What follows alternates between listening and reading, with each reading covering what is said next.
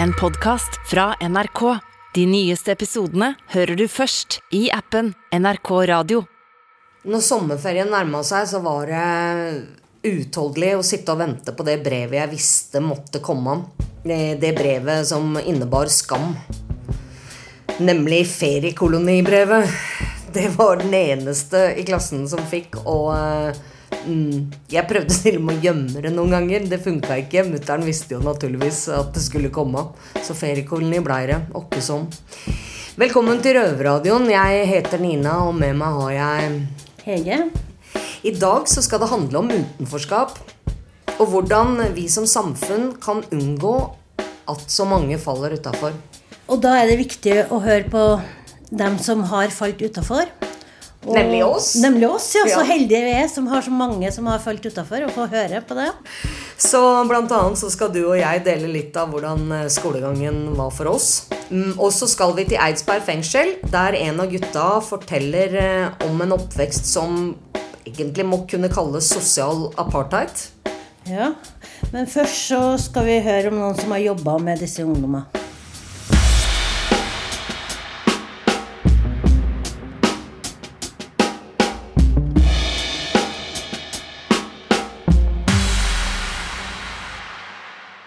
Røverradioen hadde for en tid tilbake en debatt hvor man bl.a. tok opp temaet Blir man kriminell av å falle utenfor skolen? Ja, og der var bl.a. Fleksi Aukan, som er kunstner og samfunnsdebattant. Debattant? ja. Ja, Riktig. Men hovedgrunnen til at han eh, var med der, og også, eller en av grunnene, var også det at han har kjent på utenforskap og havna til slutt i fengsel. Ja. Og nå skal vi høre hvordan han hadde på skolen. Skole for meg var eh, vanskelig. Jeg er født litt sent på året, i november. Eh, og var kanskje ikke helt klar for skole da, da jeg var fem år gammel. Så for meg var det ganske vanskelig på skolen fra dag én. Jeg hadde mye, mye problemer med konsentrasjon og impulskontroll. Eh, vi hadde en god lærer som var veldig dyktig til å følge opp oss, eh, den håndfullen med liksom uromomenter i klassen. da. Men når hun eh, slutta på, i jobben da jeg gikk i fjerde klasse, så falt alle vi mellom alle stoler. Og, og noen av oss eh, ble medisinert tyngre og, og fikk ikke noe oppfølging, eller den oppfølgingen som trengtes. da. Så fra fjerde klasse så var jeg egentlig ferdig med skolen. Um, og tenkte at uh, når ungdomsskolen kommer, så har jeg mulighet til å på en måte få en ny start. Da. Uh, problemet da var jo at uh, barneskolen eh, hadde meldt fra til ungdomsskolen om at nå kommer han her problembarnet. Så da jeg kom til ungdomsskolen og tenkte at nå får jeg tre nye år, eller blanke ark og fargestifter til de nye åra, så, så var det jo ikke det. Det var samme stempelet som fulgte meg. Og så Åttende klasse sendt rundt omkring i Oslo på problembarnskoler eh, og praksisskoler. Eh, Niende klasse det samme. Tiende klasse så gikk jeg to måneder på skolen til sammen. Eh, fordi skolen som jeg hørte til, eller sogna til, ikke ville ha meg tilbake igjen. Eh, og så fikk vi da pressa, jeg og mamma og sammen med barnevernet fikk pressa skolen til å ta meg tilbake igjen. I bytte mot at jeg var utplassert tre dager i uka. Jeg fikk litt sympatikarakterer. Eh, fikk 2,3 i snitt eller noe, og kom inn på Bredtvet i Groruddalen, rett opp ved Bøllerland. Eh, fredagen før skolestarten på videregående. Og så halta jeg meg gjennom og fant løsninger og liksom eh, Ja. Jeg møtte aldri noen lærer som på en måte forsto meg, og, og kunne hjelpe meg med hvordan jeg kunne lære ting. Eh, før jeg satt i fengsel og fikk en eh, veldig dyktig Veldig dyktig mattelærer som eh, kartla eh, hvor jeg lå i faget, og fant ut at nei, du ligger jo på fjerde klasse matte. Um, men han var veldig dedikert, og jeg gikk ut fra Gikk ut med gode karakterer fra fengselsskolen, eller Grønland voksenopplæring, som det heter. Så det, det, var, det var min lille reise. Eh, Med på debatten var også Stine Marit eh, Sundsbø Hollerud, som arbeider i uteseksjonen i Oslo. De spurte hun om hun kjente igjen det Fleksi snakka om. Eh, jeg kjenner igjen veldig mye av det Fleksi beskriver. Det er mange som eh, har ganske lignende historier. Nå skal det sies at Vi møter jo veldig mye forskjellig ungdom, og ikke alle av de faller ut av skolen.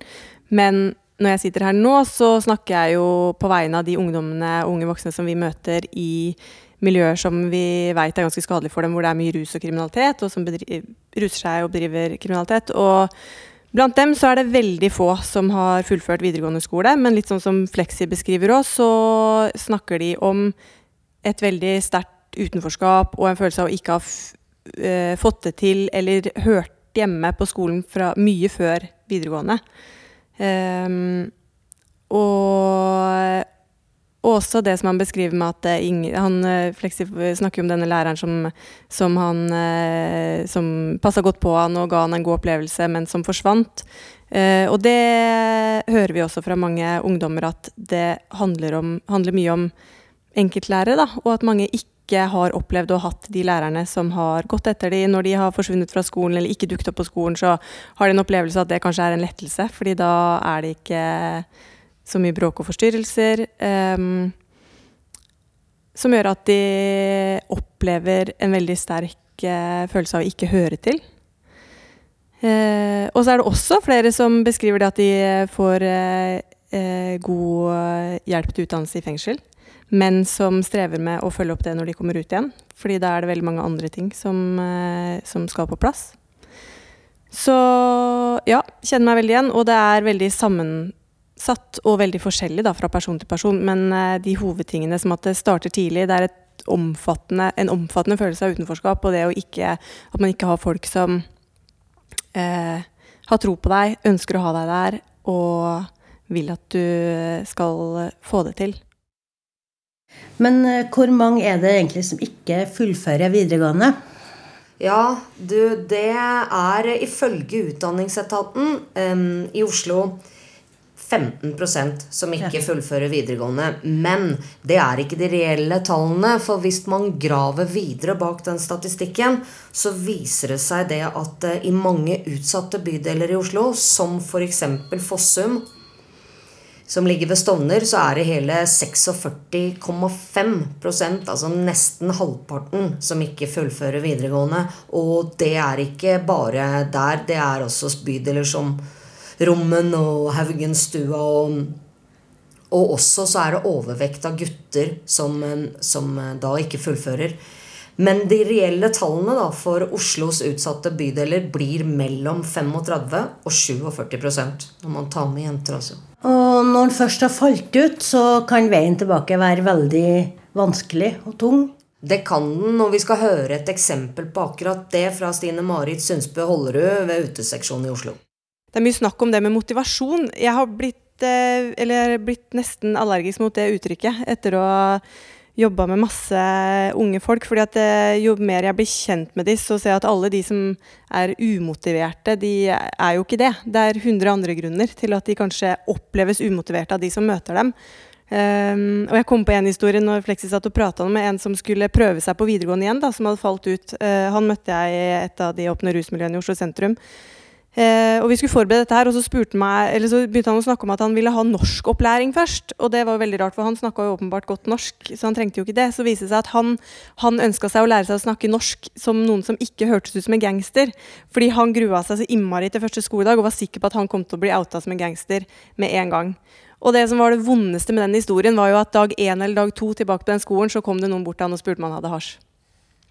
Så han, det tok jo ikke lang tid. Det de ungdommene her trenger, det er eh, å bli møtt med forståelse. Noen som ser den eh, sammensatte og helhetlige situasjonen de lever under. Som kan dyrke fram de ressursene de har, og gi dem noen plattformer hvor de kan eh, få bruk for seg sjæl. Og gi dem en opplevelse at de er verdsatt og ønska.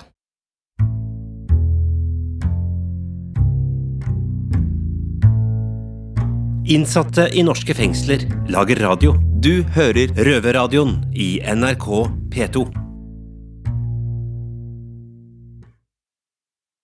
Da skal vi forlate debatten og gå over til Eidsberg fengsel. Men hvis dere vil høre resten av debatten, eller hele debatten, så er den tilgjengelig på Røverradioens Facebook-side.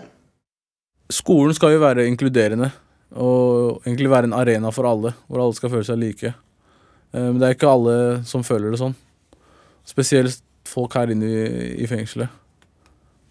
Um, jeg er her i Eidsberg. Jeg heter Daniel. Sitter med Josef. Og Ali. Vi alle har jo sikkert forskjellige historier å fortelle. Hva med deg, Josef? Har du følt på utenforskap på skolen, eller? Så klart, broren min. Det Jeg eh, kom hit til Norge for eh, si elleve år siden. da. Ja. Så mutter'n eh, gikk jo på sosialhjelp. Ikke hadde beste vilkårene, du vet. Selvfølgelig. jobb. Sånn er det starten. Så ting var litt begrensa, du vet. Ja. Og så gikk jeg da på en vestkantskole, skal man kalle det. Ja. Og der var det sånn eh, Fra fjerde til tiende så var det noe som het eh, Lekeren, da. Som var en fritidsklubb for de over eh, som ikke kunne gå på SFO lenger. Da, da Etter fjerde så har de ikke SFO lenger, du vet. Riktig. Så var det sånn at det kosta jo litt penger da å gå på den lekeren. da. Det kosta noe rundt 3000 i måneden per Såpass, person. Ja. Så du kan tenke deg, da. Vi er jo fire brødre hjemme. Ja, ikke sant? Hvordan skal mutter'n klare å betale for det? Det er Eh, um- umulig. jo. Mutter'n får 12 000 i måneden. Det hadde alle penga gått til eh, lekeren. da. Hadde ikke vært normalt hjemme. Men i hvert fall. Så var det sånn eh, Vi hadde ikke noen steder å være på etter skolen. Ja. Og de drev jo De hadde jo PlayStation i, inne der, og biljard og ditt og datt. da. Sånn drittungen liker, da. Så fritidsklubben-aktig. Ja, Ja. forstår du. Og så var det så Vi var en liten gjeng, da. Du kan kalle utlendingene der, da. Som kom eh, fra samme vilkår. Nav og alle de drittgreiene der, du vet. Og så var det alltid sånn eh, De som eh, Jeg vet ikke hva jeg skal kalle det. De som hadde råd til å gå der, da. Ja. De fikk jo muligheten til å gjøre de forskjellige tingene, da. Og så mens vi da utlendingene måtte sitte utafor og se på. Såpass. Mm. Blant annet eh, kunne de for eksempel eh, blitt servert middag hver dag, og så satt de da ute og spiste, da, så måtte vi sitte en benk lenger unna. Vi fikk ikke lov til å sitte med dem, og måtte sitte og se på de spise. Blant annet når de skulle gå inn og spille PlayStation. Da måtte vi bli på utsiden. Fikk ikke lov til å gå inn på lokalet. Ja, mye av de greiene her, altså. Dere måtte liksom stå utafor og vente på At folka skal komme ut igjen, liksom. for å, Fy faen. Mm. Det er sykt, egentlig. ass. Det er Mm. faktisk jævlig sykt. ass. At det skal være, så, være sånn i Norge, liksom. Tenk deg for et barn da, å oppfatte det. Ja, på. Mm. Det er definisjonen på utenforskap, Mm. egentlig. Og vi var jo en gjeng, da. Vi Ja. var jo kanskje sånn fem-seks stykker da, på hele skolen som Ja. følte på det samme greiene. Og det burde jo ikke være sånn, egentlig. du vet. Nei. Man skal ikke få lov til å delta, liksom, bare fordi mutter'n ikke eller fatter'n har råd til å betale for uh... Skjønner du? Nei, det høres ikke bra ut, og spesielt ikke for barn. Mm. Men Så det var ikke noe tilbud utover det? Josef? Jo, de hadde et lite tilbud, da. Hvor uh, på tirsdager Jeg husker det jævlig godt. Uh, så var det sånn fra seks til ni så kunne vi eh, som ikke betalte, få lov til å være med. Men som regel så var det bare oss utlendinger der, da, for da hadde jo alle de som eh, vært der, dratt hjem allerede. Mm. Så det ble på en måte bare oss som da ikke fikk lov til å være med til vanlig, som ble igjen da på fra tirsdag seks til ni. Så to timer fikk vi lov til å delta med i uka. Så resten av uka så måtte du sitte og se gjennom vinduet, liksom. Jeg sitter og ser på de, og de hadde jo forskjellige ting de drev med, aktiviteter, og da fikk vi ikke lov til å være med. Slå ball, for eksempel. Nei, dere er ikke med, så dere får ikke lov til å være med. Mye forskjellig. Nei, men jeg husker også da jeg var yngre, det var jo Det var jo mange som eksempel ikke fikk være med på aktiviteter, da. Sånn som vi spilte fotball og sånn, det var jo foreldra til folk som ikke hadde råd til å for betale kontingenter og kjøpe sko og, og så videre, ikke sant. Mm. Jeg husker faktisk en gang jeg gikk på Jeg husker ikke hvilken klasse jeg gikk i, men vi skulle på sånn skoletur til Island. Mm. Og så var det eh, avgift vi måtte, Eller vi måtte betale 10 000 da for å være med, liksom. Fy faen. Ja. Så jeg hadde ikke hjerte til å gå til fatter'n og spørre om ti lapper, liksom. Nei. da hadde Du ikke fått den heller? da. Nei, jeg tviler på det, altså. Hva faen skal han liksom hoste opp ti lapper for hva for jeg skal dra på Hvor gammel liksom? var du da, broren? Jeg vet ikke, 11-12, 10-11-12 år, skjønner du hva jeg mener. Så det er, jo, det er jo Ikke at det var noe stor greie, men det er jo kjipt å ikke få være med. Ikke? Mm. Resten av klassen på en måte stikker og her der. Og fatter'n jobber 18 timer om dagen. Jeg kan ikke gå og spørre hva jeg mener? Så det er ikke rart man begynner å selge ting og begynner, skal tenke på å å penger. Ikke sant? Skjønner du? Nei, og, og får det fokuset. Ja, ikke sant? Når penger har vært et så stort hinder at du har ikke fått være som alle de andre barna, Ja. selvfølgelig da vil det skape et sånn ja, et sug etter penger. da. Jeg, jeg skal liksom Foreldre har alltid prøvd å stille opp for meg. Liksom. Om, om jeg har spurt, så har de liksom bøyd seg bakover da, for, å prøve å fikse, for at jeg skal ha alt. Jeg har aldri mangla noe, så jeg, jeg klager ikke i det hele tatt. Men visse situasjoner når du ser på en måte, familien jobber så hardt og står på så lenge, så har du ikke hjerte, i hvert fall. Selv i den alderen, å gå og spørre om sånne summer da, for, gå, liksom, for at du skal gå på ferie eller du skal gå og gjøre liksom, ting med skolen. Så da, bare Men det er det som er med oss. Jeg føler vi har Siden vi har hatt den mangelen, så har vi, setter vi mer pris på ting, du vet. Absolutt, altså. Absolutt. Og så har man på en måte Det gjør at vi setter mer pris på ting enn Ja, ja, det gjør det. Altså. Det er 100 Og så er det det med at man på en måte blir jo egentlig litt Nå, da, når man blir eldre, så er jeg litt glad, glad for at man har hatt litt eh, Hva skal jeg si Ikke problemer, men at du på en måte litt struggle. Ja, ikke sant. At du har hatt en liten kamp da, hvor du, hvor du på en måte må kjempe for ting. da, ikke sant. Og Det gjør at man er sulten. ja, det gjør det. altså. Og så det med, til og med det med syke også. Jeg føler at det, man blir ikke deprimert, da, skjønner du, men man blir ikke Man, man Det bygger deg opp psykisk. ja, man, man blir ikke nedbrutt da, hvis du møter et problem. ikke sant? Du ser bare løsninger, hvordan du skal fikse ting. ikke sant? Mm. Du har allerede vært gjennom alt. Ja, ikke sant? Så, ja, du forventer ikke noe gratis, da. Nei. Ikke sant? Ingenting kommer gratis. Nei. Man må jobbe for ting.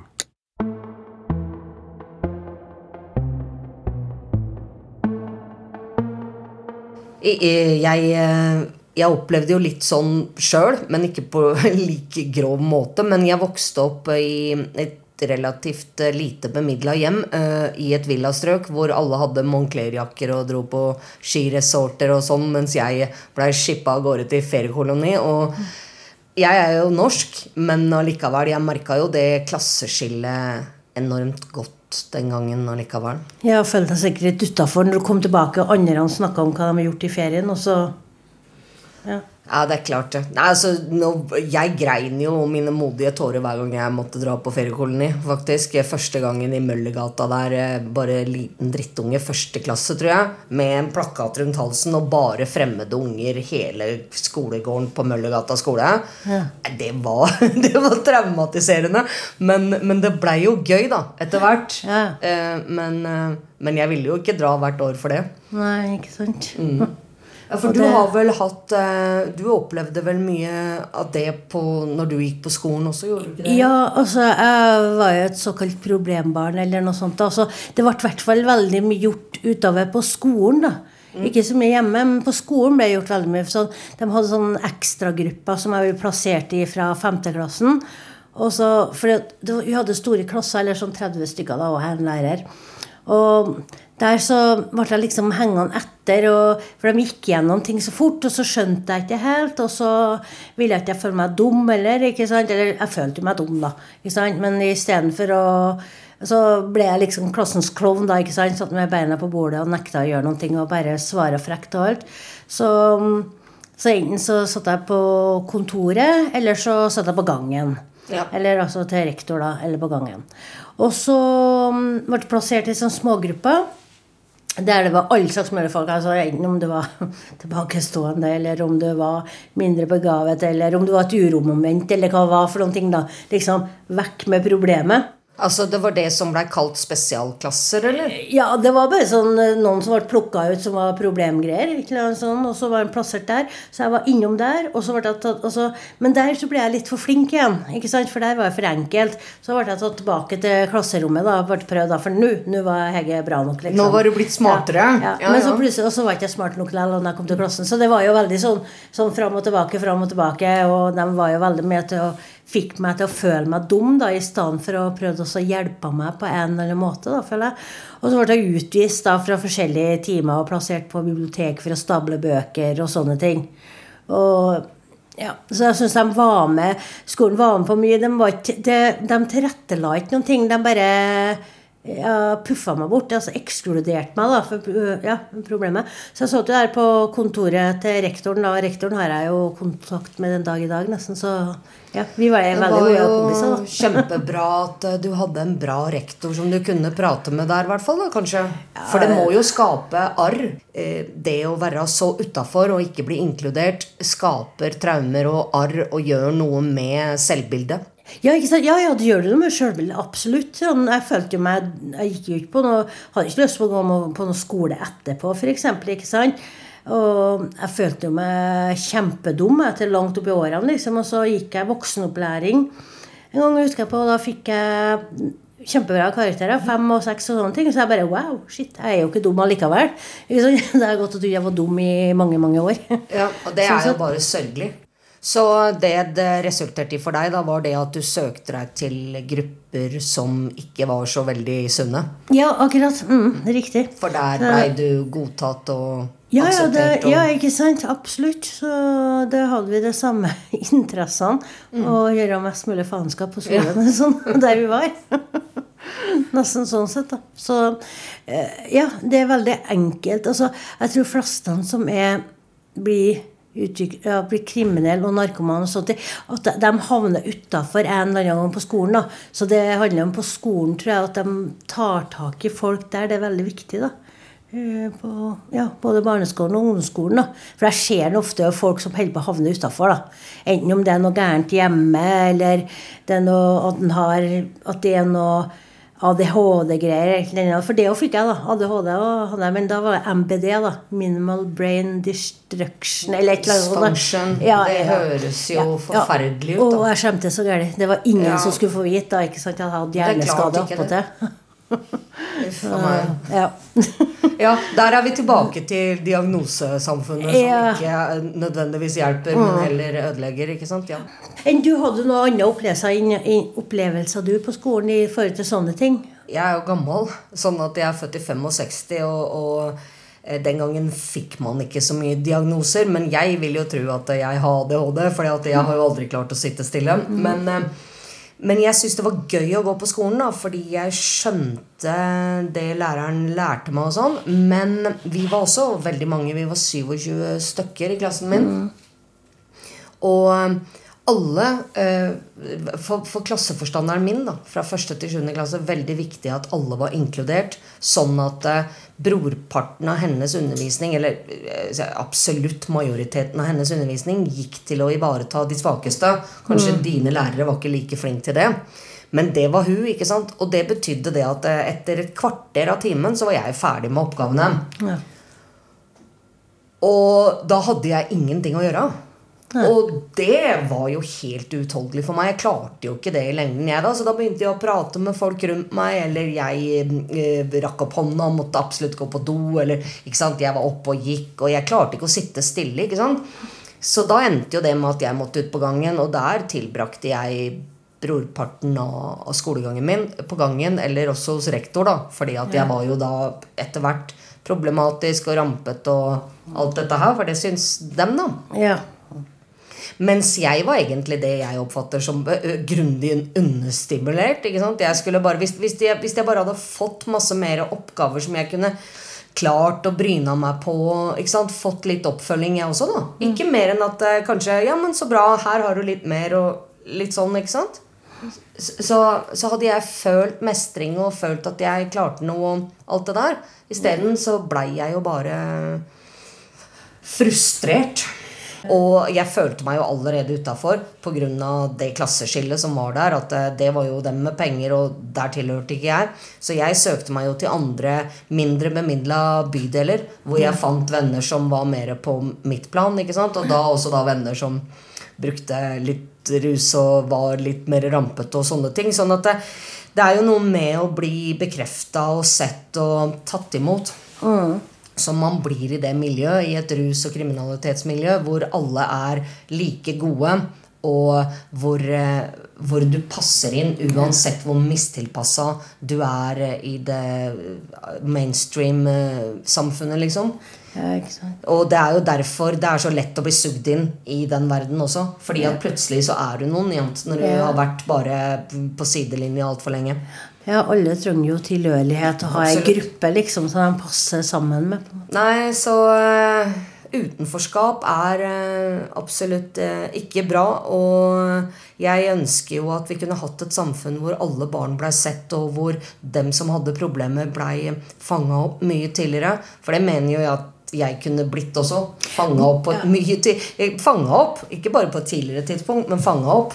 Eh, Og så i og med at vi Ja. bruker så mye på, tid på skolen, da. Altså vi bruker jo hele Hele barne- hele barndommen på skolen. Og da så syns jeg de skal satse på å ha gode lærere, da. Som Altså i fag, gode selvsagt, men òg at de er veldig flinke med unger og ungdommer. At de klarer å snappe opp dem. For det er jo på skolen du må bli snappa opp. Tenker jeg.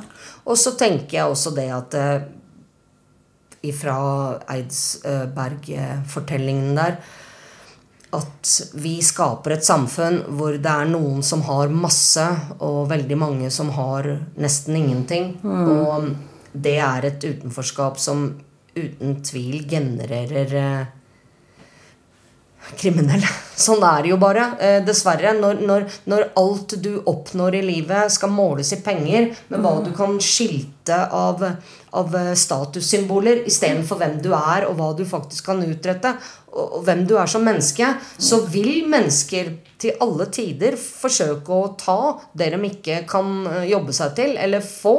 Det er klart, det. ikke sant? Så lenge suksess måles kun i statussymboler, så er det det samfunnet vi skaper, og det er det samfunnet vi får. Sånn tenker jeg. Ja, og nå må de jo ha liksom PC på skolen, og gjerne en ny iPhone. Og attåt sammen med de klærne og sånne ting. Da, som Ja, det er jo nå. helt umulige krav, Inn. Ja, ikke sant. Så en legger det jo opp til et stort klasseskille, Absolutt. hele systemet. da.